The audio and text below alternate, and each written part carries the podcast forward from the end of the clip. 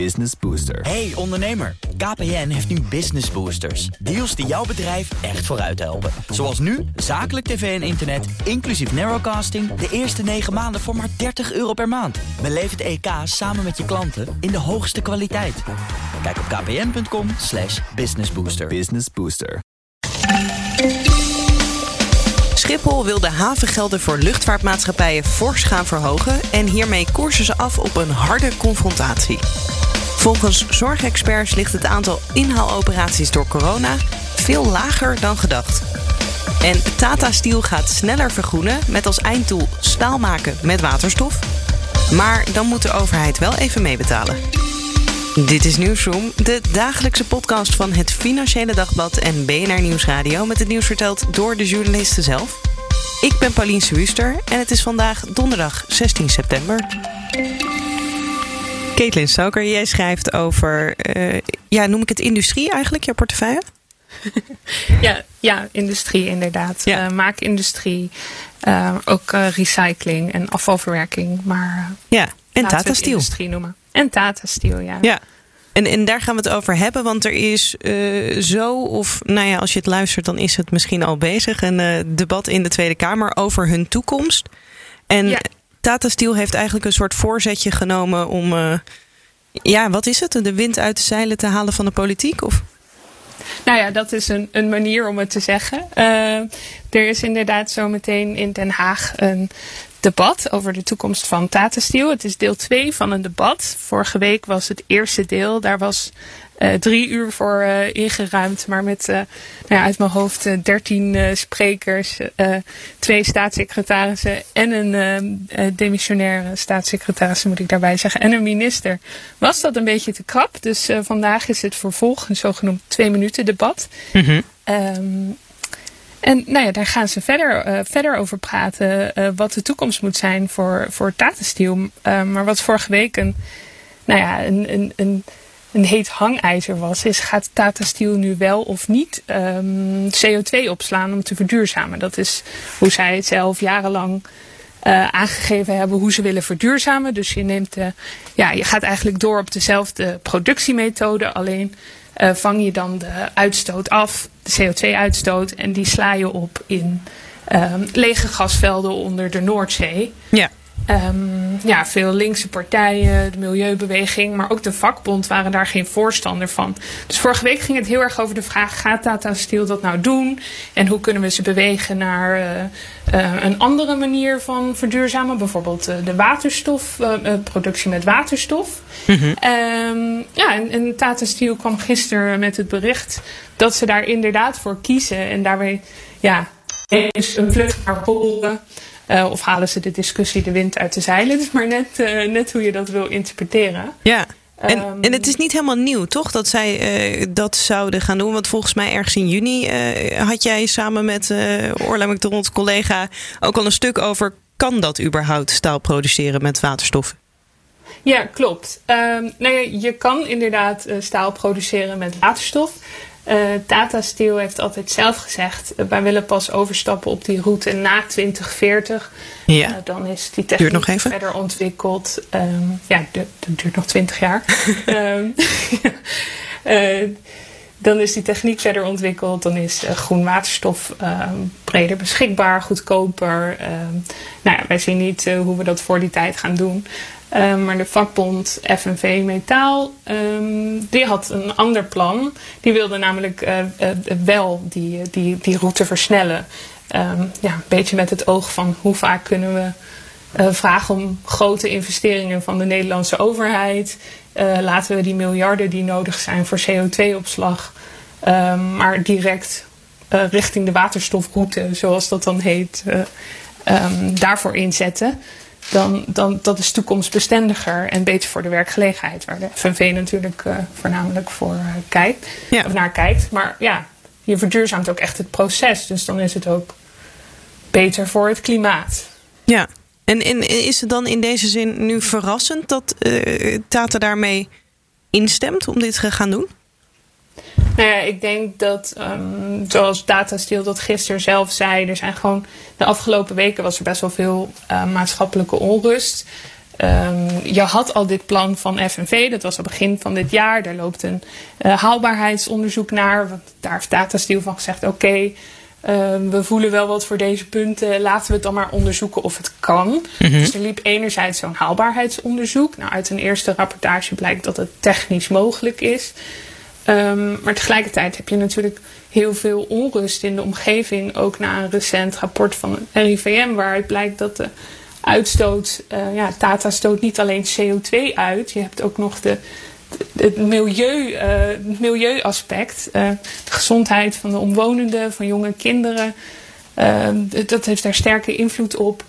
Ja, dat, dat zorgt voor zoveel onrust dat zelfs um, de gedeputeerde van de provincie Noord-Holland zich hardop afvroeg of er nog wel een bestaansrecht is voor de fabriek in de Eimond. Ik denk dat al die punten bij elkaar en het seintje vanuit dat rapport van hé, hey, het is technisch mogelijk om richting waterstof te gaan. Laat ik daarbij wel echt nadrukkelijk zeggen richting waterstof. Ja. Want we hebben het nog steeds over pas na 2030. Um, ik denk dat uh, Tata Steel daardoor voor zichzelf de knoop heeft doorgehakt van... Um, nou ja, zoals uh, uh, topman Hans van den Berg gisteren ook in de persconferentie zei... zonder maatschappelijk draagvlak is er geen staalindustrie in, in Nederland. Dus ja, ze hebben daar wel naar geluisterd. Ja, en je zegt uh, zelf al heel terecht, uh, dat gaat nog even duren. Dat gaat ook ja. flink wat kosten. Uh, want, dat is de verwachting. Ja, um, dan neem ik aan dat zij willen dat de overheid meebetaalt. Um, ja, ja, volgens mij gaan, gaan veel bedrijven die op deze schaal produceren en zo'n belang hebben. Ik bedoel, dat, daar gaat het al sinds de klimaattafels over. Van ja. we willen een deel zelf doen, maar er is wat ze dan noemen een onrendabele top. En wat kan de overheid doen? Welke subsidies zijn er? Zo is er bijvoorbeeld voor CO2-opslag, waar ze zelf uh, op inzetten, is wel subsidie beschikbaar. Dus ja, de vraag uh, wat kunnen we doen voor waterstof, die zal de komende weken, of misschien vandaag in het debat, je weet het niet, al wel opge, opgeworpen worden van ja, um, we kunnen dit niet zelf betalen. Uh, dat zegt Tata Steel ook heel nadrukkelijk. Van als staalindustrie kunnen we dit niet zelf volledig ophoesten. Dus er is steun nodig vanuit de overheid. Ja. Um, dus is, ja, dat, dat gaat nog even duren. Is dat dan ook het belangrijkste waar je op gaat letten zo in het debat? O, of het daarover gaat? Of zijn er nog andere brandende vragen die nog uh, sinds het eerste debat of het eerste deel nou, wat, uh, zitten? Wat, wat uh, ingewikkeld is aan dit dossier, of wat continu door elkaar loopt, is het verschil tussen klimaat en milieu. Je hebt de CO2-uitstoot, mm -hmm. maar je hebt ook de milieuuitstoot. En um, deze route um, richting waterstof, laat ik het zo noemen, die, die gaat uit van een termijn van 8 tot 10 jaar. Ja. Uh, totdat uh, vervuilende fabrieken um, kunnen sluiten.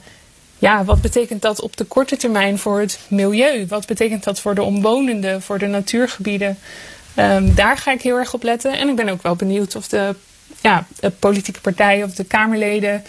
Um, ja, hoe die aankijken tegen subsidiemogelijkheden voor waterstof. Ik denk dat daar de hele um, industrie um, wel vragen over heeft en naar uitkijkt wat daar het standpunt gaat zijn. Ja. Van dit demissionaire kabinet. Ja, nee, dat is bij alles inderdaad nog een goede ja. kanttekening. Alles duurt lang, niemand kan er nog over beslissen en uh, we moeten nee. het allemaal maar zien. Ja. Zijn er andere bedrijven die dit al uh, verder gevorderd doen dan waar, waar Tata het een beetje van kan gaan afkijken als ze wel inderdaad deze route kiezen en ze krijgen wat ondersteuning? Uh, nou ja, je hebt in, in, in Zweden uh, heb je SSAB.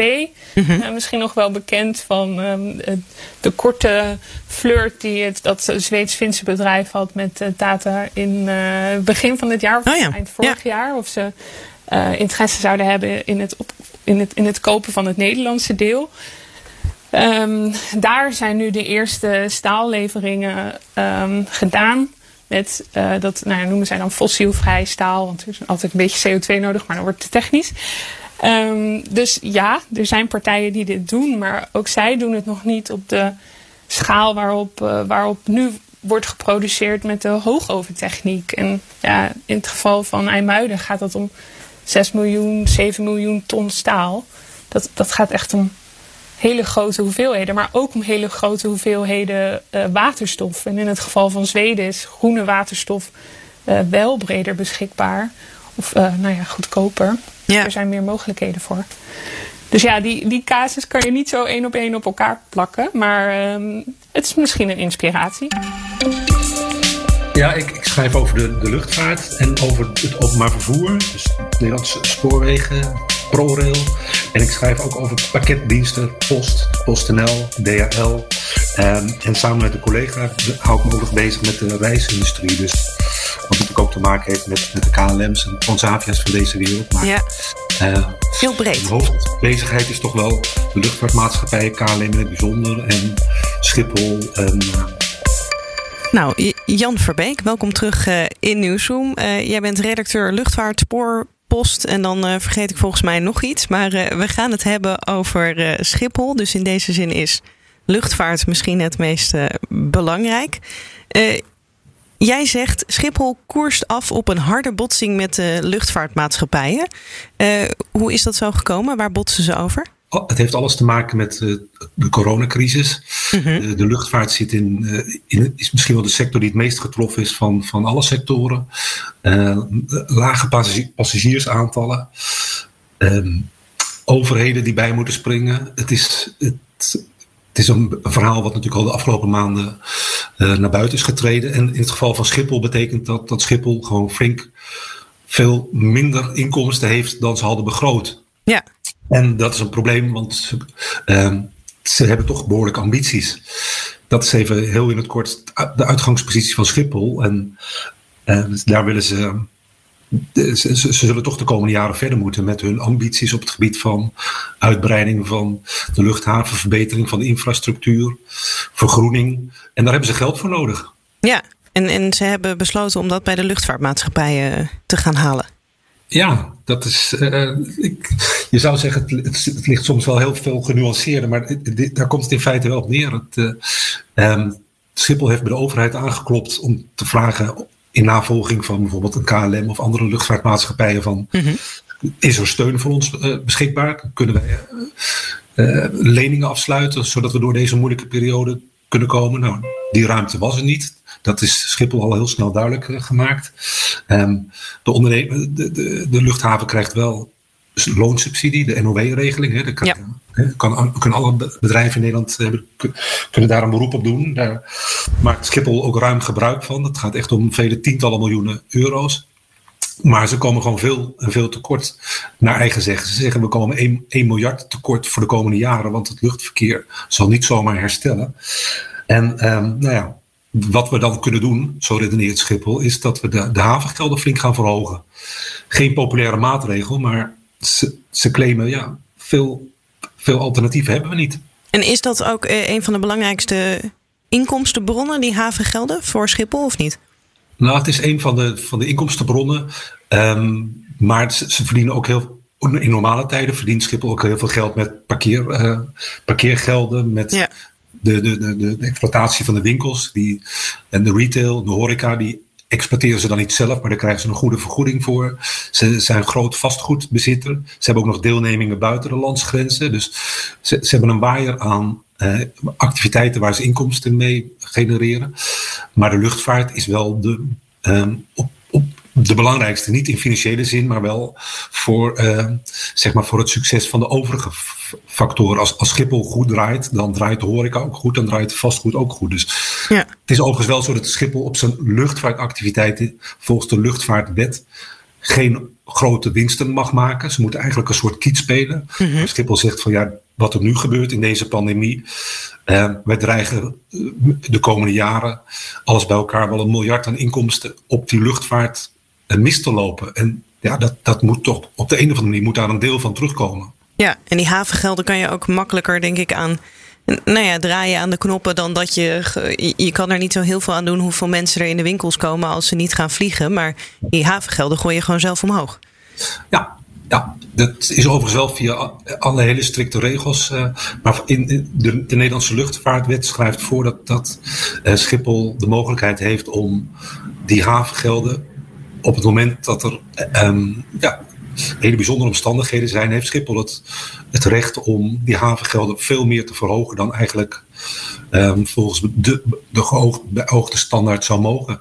En dat, en, dat doen ze nu. Ze gaan in drie jaar tijd gaan ze, even voor de vuist weg, eh, steeds 10% op die havengelden leggen. En nou, je kunt je voorstellen dat dat bij de luchtvaartmaatschappijen, bij KLM, bij British Airways, bij, bij EasyJet en bij anderen natuurlijk heel slecht gevallen is. Die dachten van ja, wij hebben het al heel moeilijk. En nu, nu schuift Schiphol nog eens een keertje de rekening door naar ons. Ja, en, en, is dit al een formeel besluit of is dit uh, uitgelekt aan het FD en aan de luchtvaartmaatschappijen verteld en kan er nog wat uh, in gelobbyd worden? Ja, ik moet zeggen, in eerste instantie dacht ik, dit is een, een proefballonnetje, dit is een plan wat ze hebben. Ja. Maar het werd me toch al snel duidelijk dat dit gewoon eenzijdig wordt opgelegd. Uh, en dat Schiphol ook in, ja, die, de ruimte heeft om, dat zo, om zo te handelen. Dus ze, ze handelen bepaald niet illegaal of wat ook. Dus dit is, dit is een van de manieren om voor hen om, veel geld binnen te halen. Uh, het maakt ze niet populair. Um, als, je het, als je het heel kort door de bocht zegt, dan zeg je ze liggen op ramkoers met, met de luchtvaartmaatschappijen, waar ze eigenlijk heel goed mee samen moeten werken. Ik ben echt heel benieuwd hoe dit conflict uh, gaat eindigen. Uh, de luchtvaartmaatschappijen hebben al aangekondigd dat ze er geen genoegen mee nemen, maar dat ze bij de toezichthouder ACM ja, weinig kans maken. Ze zullen het ongetwijfeld proberen, maar ze ze zullen met hun bezwaren vermoedelijk weinig kans maken. Ja, dan heb je nog andere mogelijkheden ook om juridisch de zaak aan te vechten. Maar dan ben je wel een stuk een hele tijd verder. Dus het is een uh, het is hard spel. Het is, uh, Schiphol speelt het hard. En de reactie van de luchtvaartmaatschappijen was ook echt uh, pittig. En ehm, Weet je, je vroeg ook van, is dit, komt het uit de lucht vallen, zeg maar? Is ja. dit, nou, er, er zijn een drietal consultaties geweest. Officieel heet dat pre-consultaties. Dus Schiphol heeft toen de geest al een beetje rijp gemaakt voor wat eraan zat te komen. Mm -hmm. um, maar het is uit, uiteindelijk is het besluit wel nu gevallen. En valt misschien dat, dat Schiphol iets in water in de, bij de wijn zal doen. Maar um, dit, dit is toch in grote lijnen wel het plan wat ze hebben. En ik vermoed ook dat ze dit gewoon door zullen zetten. Ja, en dan is het uh, volgende wat je kan denken. Ja, Schiphol die wil die coronarekening ergens neerleggen. De luchtvaartmaatschappijen zeggen... Ja, wij hebben het ook zwaar gehad. We hebben het nog steeds ja, zwaar. En nog steeds. Ja. Krijgen een extra rekening. Um, waar gaan zij hem dan neerleggen? Hebben jij en ik of de andere mensen die misschien gaan vliegen... hebben die er last van? Ja, het, het is nog wat wat pril of wat prematuur om daar een harde uitspraak over te doen. Maar het, het, kan haast niet anders dan dat de, de, de British Airways en de EasyJets en de, de KLM's de, de, deze rekening toch zullen doorschuiven en naar de, naar de consument. Uh, of misschien naar hun toeleveranciers of naar vliegtuigbouwers. Maar als consument zullen we dit ook gaan merken. Kijk, begrijp het goed. Het gaat natuurlijk niet om, op op, om miljarden op, op jaarbasis of zo. Maar het gaat toch wel om, om een flink substantieel bedrag. Wat in het geval van KLM, wat ze er extra bij krijgen. En uh, ja, dat zullen ze toch moeten zien terug te verdienen. Dus, en het is al een hoogst concurrerende uh, vlieg, vliegmarkt natuurlijk. Hè. De, de, de prijsvechters, de Ryanairs, de EasyJets, die slaan je om de oren met aanbiedingen om binnen Europa overal naartoe te vliegen voor weinig geld. Mm -hmm. uh, het maakt het voor KLM wel een stuk lastiger. Ja, ja. En, maar wat jij zei, uh, Schiphol heeft aangeklopt bij de overheid en die zeiden: Nou, jullie krijgen geen geld. Luchtvaartmaatschappijen hebben wel steun gekregen, of in ieder geval uh, leningen, in sommige gevallen misschien buitenlands ook steun. Maar is dit dan ook. Ja, kunnen we dan zeggen dat de overheid misschien een deel van die rekening pakt door het door te sluizen naar de luchtvaartmaatschappijen? Ja, je zou, uh, je zou kunnen redeneren dat, dat Schiphol uh, het zo hard speelt omdat ze weten dat, dat, omdat, dat, ze weet dat de, de luchtvaartmaatschappijen door de overheid gesteund worden en dat ze door, de, door hun eigen rekening wat door te schuiven naar de luchtvaartmaatschappijen, dat ze uh, ja, in zekere zin ook profiteren van het feit dat die luchtvaartmaatschappijen in de lucht worden gehouden. En, uh, dus in het geval van KLM, KLM heeft 3,4 miljard aan door de overheid gegarandeerde staatsleningen gekregen. En die zullen ze de komende jaren moeten terugbetalen. Ja, je zou kunnen redeneren dat Schiphol zegt van nou, uh, ik, ik, het even heel plastisch, maar op deze manier krijgen wij toch nog iets als Schiphol, iets van die, van die leningen die de overheid aan KLM gegeven heeft. Dus wij liften een beetje mee op het, de steun die Schiphol, oh, sorry, die KLM gekregen heeft. Ja, ja, maar dat gaan ze natuurlijk nooit uh, publiekelijk zeggen, mocht dat wel uh, het geval zijn. Dat, uh, dat hoeven we niet te verwachten, nee, zeker niet. Nee. Maar is dit nou de. Want jij volgt volgens mij, zeg ik even uit mijn hoofd, sinds september 2019 de luchtvaart ook, hè? Ja. ja. Is, ja. is dit dan de grootste ruzie sindsdien? Nou, de, op Schiphol zeker, ja. ja. Ik denk ook echt dat dit, uh, dit is niet zomaar weggepoetst. Ik vertelde al dat er drie overlegrondes geweest zijn. Uh, dus Schiphol heeft geprobeerd de geesten rijp te maken voor deze drastische verhoging van de havengelden. Uh, en, en ze zetten het gewoon, ze zetten het gewoon door. En ja, uit de reacties die ik op kon tekenen bij, uh, bij de, de, de belangenorganisaties van de luchtvaartmaatschappijen, die, die, zijn, die zijn furieus. Die, die, die, die zeggen van ja, we hebben overleg gevoerd, maar uh, het, eind, eind van het liedje is dat we uiteindelijk toch die rekening voor een groot deel op ons bordje krijgen. Ja. En dan moet je weten dat er ook nog iets speelt over de. Uh, de luchtvaartmaatschappijen vinden ook nog dat, dat Schiphol zelf um, niet erg kostenbewust is. Mm -hmm. kan, je, kan je herinneren dat een, een, paar weken geleden het bericht naar buiten kwam dat Schiphol problemen heeft met de bouw van zijn, zijn pier, een nieuwe pier op, op Schiphol. Ja. Um, het heeft problemen in de zin van dat, dat er een conflict ligt met de bouwer, dat het kostenoverschrijdingen, dat er sprake is van kostenoverschrijdingen. En nu zeggen die luchtvaartmaatschappijen van ja, Schiphol, um, je legt nu de rekening bij ons neer voor gederfde inkomsten, maar zorg nou eerst eens dat je je huishoudboekje zelf goed op orde hebt. Want je bent bezig met een bouwproject wat vele honderd miljoenen meer gaat kosten. En uh, ja, past dat wel in deze tijd dat je dan aan ons vraagt van, uh, oh ja, uh, willen jullie ook veel meer havengelden gaan betalen? Ja. Dat, ligt erg, dat ligt heel gevoelig, heb ik gemerkt. Ja, ja, ik kan me voorstellen, dit is uh, voor de betrokkenen allemaal niet leuk natuurlijk, maar voor jou als journalist dan wel weer spannende tijden op Schiphol. Ja, ik bedoel, we spreken elkaar nu, maar ik, ik ben ervan overtuigd dat, dat, we, dat we hier de komende weken uh, zeker nog wel meer nieuws over kunnen gaan melden. En, en dat partijen zich, ja, wellicht al, dat, dat partijen zich rijp gaan maken voor een, voor een juridische gang. Of dat, of dat Schiphol misschien toch vanwege de commotie wat, het voorstel wat zal matigen ik vind het moeilijk in te schatten hoor. Ik, uh, mm -hmm. Het is allemaal nog heel pril, maar ik, ik zie wel dat het hier, ze botsen hier echt heel hard. En weet je, ze hebben elkaar ook nodig. Hè. Ze, ze, de sector klautert weer een beetje uit de, de diepste dal. En um, ja, uit, uiteindelijk hebben ze elkaar nodig. Maar, en op deze manier staan ze gewoon lijnrecht tegenover elkaar. En dat is op den duur gewoon niet goed.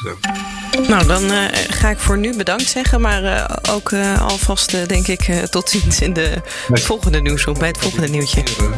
Ja, dankjewel Jan. Ja, graag gedaan, Pauline.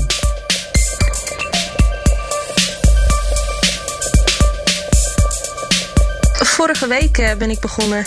Nou ja, dus he helemaal, uh, helemaal uh, vers van de pers. Vers van de pers. Ja, precies, precies. Vicky Serarens, welkom in de podcast. Um, kerstverse stagiair bij BNR eigenlijk. Ja, ja klopt. Ik ben uh, vorige week begonnen inderdaad. En dan nu al een eigen verhaal over ja, best een belangrijk onderwerp, de uitgestelde zorg. En uh, hoeveel operaties er nog moeten worden ingehaald, dat ligt uh, veel lager dan voorspeld. Daar gaan we het over hebben. Um, hoe kwam je eigenlijk op dit onderwerp? Um, ja, goede vraag. Uh, uh, via via eigenlijk. Um, uh, ik heb met heel veel mensen rondgebeld over überhaupt de inhaalzorg met corona. En toen kwamen ook de twijfels naar boven van... goh, hoe zit dat nou met die cijfers? En in hoeverre klopt dat eigenlijk? En is dit niet een veel negatiever beeld dan het er werkelijk aan toe gaat? Ja, en dat uh, bleek dus zo te zijn. Uh, hoe heb je dat inzicht eigenlijk gekregen? Wat voor soort mensen heb je gesproken? Uh, ik heb gesproken met verschillende ziekenhuisbestuurders hierover. Ehm, dat was ook terug in de uitzending te horen. Peter van der Meer onder andere met zorgeconomen. En, um, maar natuurlijk ook gewoon met de Nederlandse zorgautoriteit over dit onderwerp. Van goh, hoe, hoe kom je nou tot dit cijfer en hoe zit dat in elkaar? En nou ja, met al die verschillende partijen kom je dan uh, uiteindelijk tot dit verhaal. Ja, want de Nationale Zorgautoriteit, daar kwam dat uh, originele cijfer vandaan. Dat waren iets van 170.000 operaties die zouden zijn uitgesteld, toch? Ja, 170.000 tot uh, 210.000 operaties. En uh, uh, dat is natuurlijk een schatting. Je, je, dat, de cijfers zijn nog niet dusdanig helder dat je ook 100% met zekerheid kan zeggen van hoe zit het nou. Maar het is wel een hoog cijfer. En dat merkte ik ook met gesprekken met verschillende ziekenhuisbestuurders. mensen gaan zich hier ook wel zorgen om maken. En dan is het goed om te kijken, ja, uh, hoe moeten we naar dit soort cijfers kijken en wat is de waarde daarvan? En uh, uh, natuurlijk is het goed um, om met zo'n getal, met zo'n schatting van de NZA, dat, dat is natuurlijk niet gebaseerd op niks. Die, die hebben heus wel goed gekeken op hun manier. Uh, maar om daarnaar te kijken van, uh, ja, wat, wat kunnen we hiermee? En stel in het allerslechtste scenario, uh, er zijn inderdaad nog 210.000 operaties in te halen. Hoe moeten we dat dan inrichten? Dus het is wel een goede om het gesprek over dit soort cijfers en de waarde daarover aan te gaan. Ja, en hoeveel minder is het dan, denken de experts die jij hebt gesproken? Dat is uh, uh, lastig uh, te zeggen. Peter van der Meer van uh, een, een, ziekenhuis in Dordrecht. Mm -hmm. Die uh, vertelde dat um, uh, ze bij hen voor de zomer 400 operaties nog in te halen hadden. Nou, dat is voor de zomer. Ondertussen zijn er iets meer dan 300. Dus daar is alweer een stukje weggewerkt. En.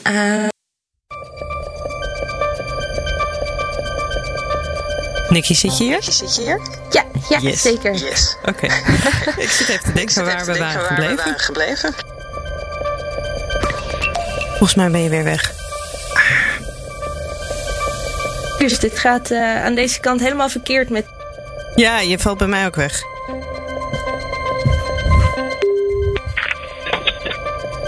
Hallo Nicky. met Nicky. Hoi. Hoi, met Paulien. Mocht iemand nu luisteren en denken, het klinkt net iets anders, dat klopt, want we hadden wat technische problemen, maar inmiddels uh, heb ik Nicky weer terug aan de telefoon. Uh, we hebben het nog steeds over de uitgestelde zorg en de inhaaloperaties die nodig zijn in ziekenhuizen door corona. En we hadden het over een ziekenhuis in Dordrecht. Um, waar jij de bestuurder van had gesproken. En die zei: We moesten eerst nog zo'n 400 operaties inhalen. Nu na de zomer zijn het er zo'n 300. Um, stel dat die voorspelling van de NZA zou kloppen. Dus dat we in totaal bijna 200.000 operaties of iets minder nog zouden moeten inhalen. Klopt dat uh, die 300 of 400 voor zo'n Dordrecht ziekenhuis dan een beetje? Of zou dat dan eigenlijk bij hun veel meer hebben moeten zijn? Ja, dan zou dat uh, veel meer moeten zijn. Dan, uh, want als je dat zou berekenen over alle ziekenhuizen, dan zou je uitkomen op 2750 inhaaloperaties per ziekenhuis. Dat is dan een gemiddelde. Ja. Ehm, dus dat aantal ligt stukken hoger dan die 400. Ja, en, en zij zijn een relatief groot ziekenhuis volgens mij ook nog. Dus dan kan ik me voorstellen dat ze nog iets boven het gemiddelde hadden moeten liggen. Ja, ja, ja. dat uh, klopt. Ja, en hoe, hoe komt dit dan? Dat verschil uh, tussen de, uh, het ene cijfer, nou ja, dat, dat, dat het minder is. We weten niet precies hoeveel het dan is. Dat, niemand heeft een glazen bol natuurlijk, maar het lijkt er in ieder geval op te wijzen dat het een stuk minder zou zijn. Hoe, komt die discrepantie tussen die cijfers? Heb je daar enig inzicht in gekregen? Ja, ja. Um, ten eerste uh, bij de NZA maken ze bijvoorbeeld de vergelijking tussen uh, hoeveel operaties zijn er geweest in 2019 mm-hmm. en uh, hoeveel zouden er dan in 2020 hebben plaatsgevonden. Um, maar dat hebben verschillende experts mij ook verteld. Dat kun je niet één op één met elkaar vergelijken. Bijvoorbeeld door die anderhalve meter afstand die iedereen heeft gehouden, zijn er veel minder mensen ziek geworden. Uh, de andere kant is ook uh, dat we niet mochten sporten. En uh, dus zijn er ook minder sportblessures. Dus die cijfers van 2019 zijn niet één op één te vergelijken met 2020. Uh, daarnaast gaat uh, uh, de Nederlandse Zorgautoriteit er ook van uit dat er nog een patiëntengroep aankomt die zich nu nog niet heeft gemeld bij de huisarts en bij het ziekenhuis ja. voor een behandeling, die tot nu toe al doorwachten. En ehm, dat die zorg uiteindelijk nog ingehaald gaat worden. Maar er zijn helemaal geen signalen voor dat dat ook daadwerkelijk gaat gebeuren. Ja, nou ja, dat is op zich, ja, ik wilde zeggen dat is op zich goed nieuws. Maar misschien is dat ja, uit gezondheidsperspectief uh, niet goed. Maar dan, dan die nou ja, enorme golf waar we nog uh, tegenop zien in de winter. Dat, dat is hopelijk dan iets minder inspannend voor de ziekenhuizen dan gedacht. Ja, ja, kijk, het hangt er natuurlijk vanaf. Ik uh, ben ook geen expert over uh, hoe de situatie gaat zijn in de winter natuurlijk. Nee. Uh, maar laten we hopen dat voor iedereen, uh, voor zowel de patiënten als de zorgmedewerkers, dat het gewoon positief blijft en dat het allemaal meevalt met hoe groot de schade gaat zijn. Ja, maar ik denk dat in ieder geval het nou ja, beeld dat het misschien iets minder inhaaloperaties zijn, dat dat in de ziekenhuizen ook wel fijn is om te horen. Want ik kan me voorstellen dat je er dan redelijk tegenop ziet als je hoort hoeveel er nog moet gebeuren. Ja, ja, klopt. En daarom is het denk ik ook wel belangrijk om uh, kanttekeningen te plaatsen bij dit soort boodschappen. Want uh, je wilt natuurlijk niet dat mensen die ziek zijn, dat die uh, zorg gaan mijden, omdat de berichtgeving daar zo negatief over is. Dus ik hoop ook dat de mensen die hier nu naar luisteren, dat die ook beseffen van, goh, ik zit met een kwaaltje, maar ik kan gewoon wel de zorg gaan opzoeken die ik nodig heb. Ja, nou, dat lijkt me een hele verstandige oproep. Eh, de, de Nationale Zorgautoriteit, heeft hij eigenlijk zelf uh, nog gereageerd op uh, die schatting en dat het toch wat lager lijkt? Ja, ja. En uh, die hebben uiteindelijk ook toegegeven dat, uh, uh, dat ze het niet zeker weten. En uh, zij hopen ook binnenkort daar meer inzicht in te hebben in die cijfers. En dat ook bij te kunnen stellen. en hopelijk ook naar beneden, inderdaad. Ehm, maar omdat er nog zoveel onzekerheden zijn, ze hebben wel geprobeerd aan te geven van hoe groot zou dat mogelijk kunnen zijn. Ja, nou, ik uh, kan me zo voorstellen dat dit niet de laatste keer is dat we jou horen over een uh, dusdanig onderwerp. Ja, nou, we gaan het zien. Dankjewel. Dankjewel. En met dit interview met iets wat technische uitdagingen sluiten we Nieuwsroom af voor vandaag. Reacties en complimenten voor Nicky op de eerste optreden in Nieuwsroom. Dat is natuurlijk welkom. Nieuwsroom.bnr.nl of nieuwsroom.fd.nl. Abonneren, dat kan ook altijd. Zoek hem even op in je favoriete podcast-app en klik op de abonneerknop. En hou je van politiek, dan zijn we er morgen voor je met Nieuwsroom Den Haag. En wil je liever de reguliere nieuwsroom, die is er maandag weer, dan met je vaste presentator Mark Beekhuis. Dus namens mij en Thomas en Sophie vanuit Den Haag heel graag tot morgen. En namens Mark heel graag tot maandag.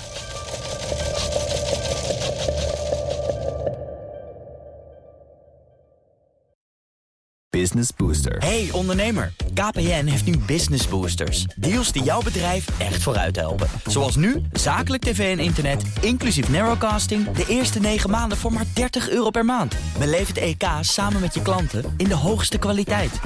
Kijk op kpn.com businessbooster. Business Booster.